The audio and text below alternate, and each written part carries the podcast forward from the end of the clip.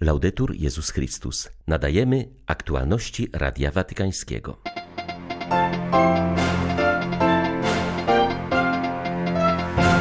Franciszek poprosił o modlitwę za bardzo chorego Benedykta XVI. Rzecznik Watykanu potwierdził, że stan papieża seniora pogorszył się w ostatnich godzinach. Ojciec Święty podziękował Polakom za pomoc niesioną narodowi Ukrainy. Modlił się też o pokój dla tego kraju uciemiężonego brutalnością wojny. W Rostoku rozpoczyna się 45. Europejskie Spotkanie Młodych organizowane przez wspólnotę TZ. Ze względu na wojnę bracia organizują dla Ukraińców równoległe spotkanie w Lwowie. 28 grudnia witają Państwa ksiądz Krzysztof Ołdakowski i Beata Zajączkowska. Zapraszamy na serwis informacyjny. Ojciec Święty poprosił o modlitwę za bardzo chorego Benedykta XVI. Z tym szczególnym apelem w intencji swego poprzednika Franciszek zwrócił się podczas audiencji środowej. Papież senior ma 95 lat. Od czasu swej rezygnacji w 2013 roku mieszka w dawnym klasztorze w ogrodach watykańskich. Jego osobisty sekretarz mówi, że Benedykt XVI jest jak świeca, która powoli i spokojnie gaśnie. Chciałbym prosić Was wszystkich o specjalną modlitwę za emerytowanego papieża Benedykta, który w ciszy wspiera Kościół jest bardzo chory. Pamiętając o nim, prośmy Boga, by go pocieszał i wspierał w jego świadectwie miłości do Kościoła aż do samego końca. Po audiencji papież Franciszek odwiedził Benedykta XVI.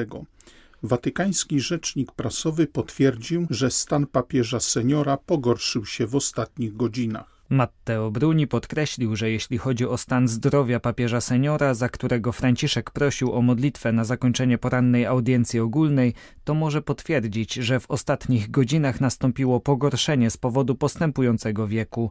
Sytuacja w tej chwili pozostaje pod kontrolą, stale monitorowana jest przez lekarzy poinformował dyrektor Biura Prasowego Stolicy Apostolskiej. Dodał też, że po audiencji papież Franciszek udał się do klasztoru Mater Ecclesiae, by odwiedzić Benedykta XVI. Łączmy się z nim w modlitwie za papieża seniora, apelował Bruni.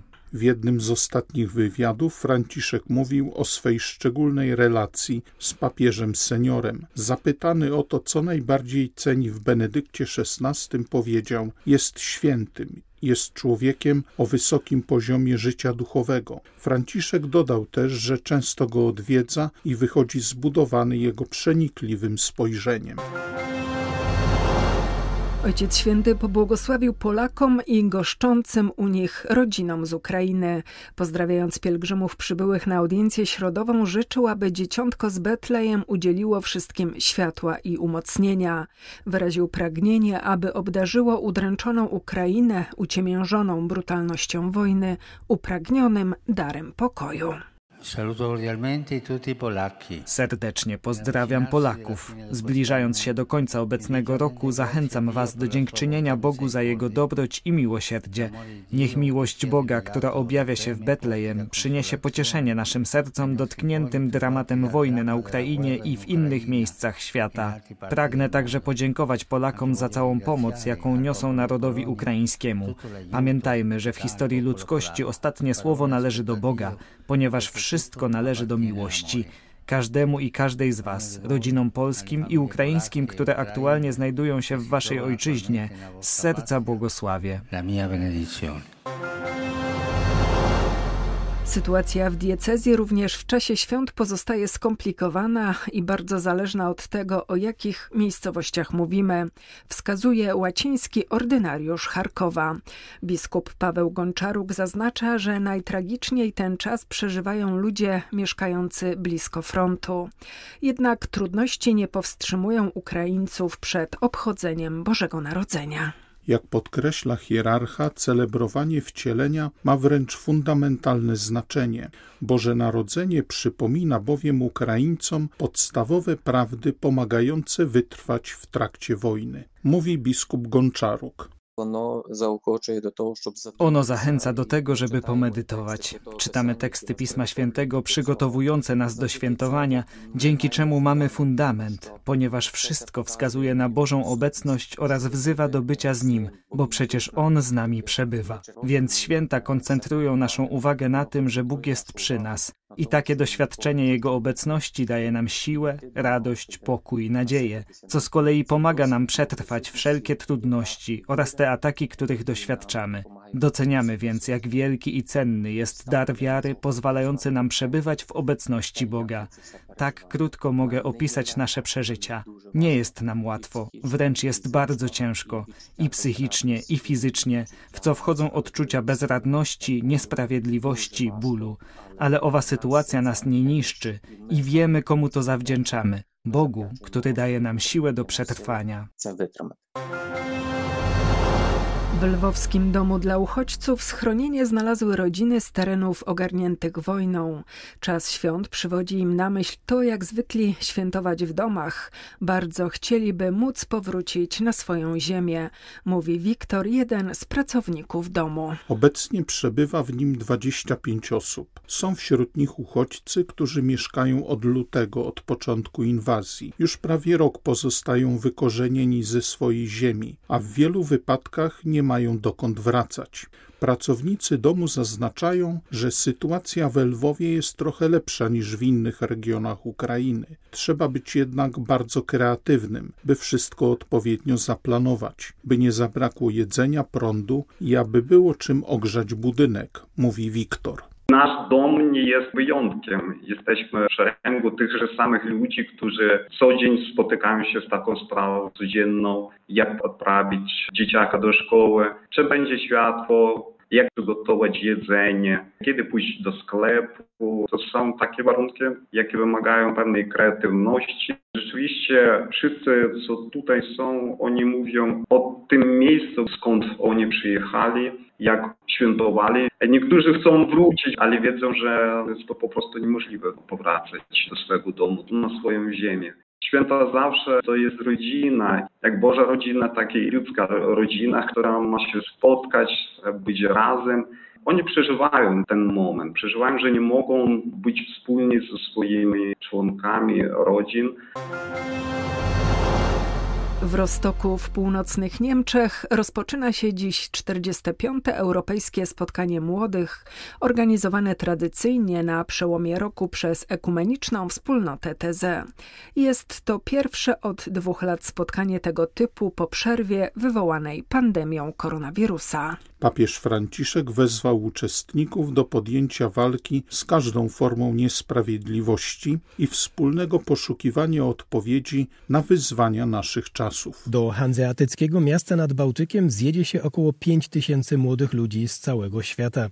Wśród nich jest ponad 80 osób z Ukrainy, o czym poinformował brat Alois, przełożony wspólnoty z TZ. Ich udział określił jako ważny znak solidarności z Ukrainą, którą sam odwiedził podczas świąt Bożego Narodzenia Narodzenia. Ze względu na rosyjską inwazję na Ukrainę wielu młodych nie mogło się wybrać na spotkanie w Niemczech, dlatego wspólnota z TZ zorganizowała dla nich równoległe spotkanie w Lwowie. Odnosząc się do sytuacji chrześcijan w Rostoku, którzy stanowią tylko 17% mieszkańców, brat Alois podkreślił, że potrzebują oni także dialogu z ludźmi innych religii i światopoglądów. Przeor wspólnoty TZ podkreślił, że w całej Europie wzrasta poszukiwanie duchowości. Ponadto, nawiązując do zakwaterowania wielu uczestników u prywatnych gospodarzy, brat Alois powiedział, że gościnność jest wartością, która łączy wszystkich ludzi. Od 1978 roku ekumeniczna wspólnota Steze w Burgundii zaprasza na europejskie spotkania młodzieży na przełomie roku, w których uczestniczy czasem nawet 100 tysięcy osób, biorąc udział w modlitwach, warsztatach i spotkaniach w małych grupach. Dla Radia Watykańskiego z Berlina Tomasz Kycia. 5 kilometrów trasy, 18 odgrywanych scen, 33 lata doświadczenia. Tak wygląda inscenizacja jasełek wystawiana w cudownej jaskini w Postojnie w Słowenii. Do 30 grudnia 150 aktorów i statystów prezentuje zwiedzającym wyjątkowe wydarzenie wraz z przesłaniem pokoju i pojednania dla całej ludzkości. Jest to najdłuższa żywa szopka w Europie. Jaskinie w Postojnie zostały odkryte 200 lat temu. Żywa szopka przemieszcza się małą kolejką, pierwszą na świecie umieszczoną wewnątrz wapiennej jaskini. Towarzyszący jej korowód podąża pieszo wzdłuż korytarzy grot, pośród majestatycznych stalaktytów i stalagmitów, ukształtowanych przez przepływ kapiących kropli wody. O tym wyjątkowym przedstawieniu mówi Kevin Walencic, jeden z organizatorów wydarzenia. Bez wątpienia stanowi to wielkie wyzwanie, które podejmuje wiele osób, wiele artystów. Nie jest łatwe pozostawanie wewnątrz jaskiń przez wiele godzin. Panuje jednak także duża wilgoć. Wewnątrz znajduje się wiele delikatnych instrumentów, jak chociażby harfa. To nie jest łatwe, ale możliwe. Cały rok przygotowujemy to przedstawienie. W grudniu tempo staje się szalone. Artyści, śpiewacy profesjonalni, a także statyści reprezentują w znacznej części miejscową ludność. Wszyscy śpiewacy, którzy występują w spektaklu są zawodowcami, najbardziej znanymi w Słowenii. Inni, czyli aktorzy, również statyści są miejscowi. To wydarzenie stało się już tradycją nie tylko w Postojnie, ale w całej Słowenii. To największe tego typu przedstawienie w okresie Bożego Narodzenia w całym kraju. Niczego nie pragnąć i niczego nie odrzucać, przyjmować wszystko, co Bóg nam zsyła. Ale uważajmy, zawsze i tylko z miłością, bo Bóg nas kocha i chce zawsze wyłącznie naszego dobra, powiedział Ojciec Święty podczas audiencji ogólnej. W katechezie nawiązał do postaci świętego Franciszka Salezego, którego 400. rocznica śmierci przypada właśnie dzisiaj. Zaznaczył, że w związku z tym wydarzeniem napisał specjalny list apostolski zatytułowany Wszystko należy do miłości. Podejmując refleksję nad Bożym Narodzeniem, papież zaproponował zgłębienie tej tajemnicy w towarzystwie świętego Franciszka Salezego. W jednym z listów pisał, że po stokroć bardziej woli widzieć dzieciątko w żłobie niż wszystkich królów na ich tronach. Jezus jest Synem Bożym, który nas zbawia, stając się człowiekiem takim jak my, ogołacając się z chwały i uniżając samego siebie. Te tajemnice widzimy konkretnie w centralnym punkcie szopki, czyli w dzieciątku leżącym w żłobie. To znak, który Bóg nam daje na Boże Narodzenie. Był nim wtedy dla pasterzy w Betlejem, jest nim dzisiaj i będzie nim zawsze. Tron Jezusa stanowi żłóbek lub droga za jego życia, gdy głosił, albo krzyż na końcu jego życia. To jest tron naszego króla. Ten znak pokazuje nam styl Boga. Nasz Bóg jest bliski, współczujący i czuły. W Jezusie widzimy ten styl Boga. Poprzez ten swój styl Bóg przyciąga nas do siebie.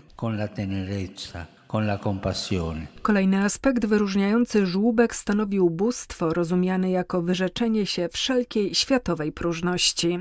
Papież przywołał w tym miejscu słowa samego świętego Franciszka Salezego. Mój Boże, ileż świętych uczuć rodzi w naszych sercach to narodzenie. Przede wszystkim jednak uczy nas doskonałego wyrzeczenia się wszelkich dóbr, całego przepychu tego świata. Nie wiem, ale nie znajduję żadnej innej tajemnicy, w której czułość i surowość, miłość i karność, słodycz i szorstkość tak słodko się mieszają. To wszystko widzimy w żłóbku. Miłość Boga nie jest przesłodzona. Ukazuje nam to żłóbek Jezusa. Miłość Boga nie jest obłudną dobrotliwością, pod jaką kryje się dążenie do przyjemności i wygód. Nasi dziadkowie, którzy znali wojnę, a także głód, dobrze to wiedzieli. Boże Narodzenie to radość i świętowanie z pewnością, ale w prostocie i w surowości. Były to aktualności Radia Watykańskiego. Laudetur Jezus Chrystus.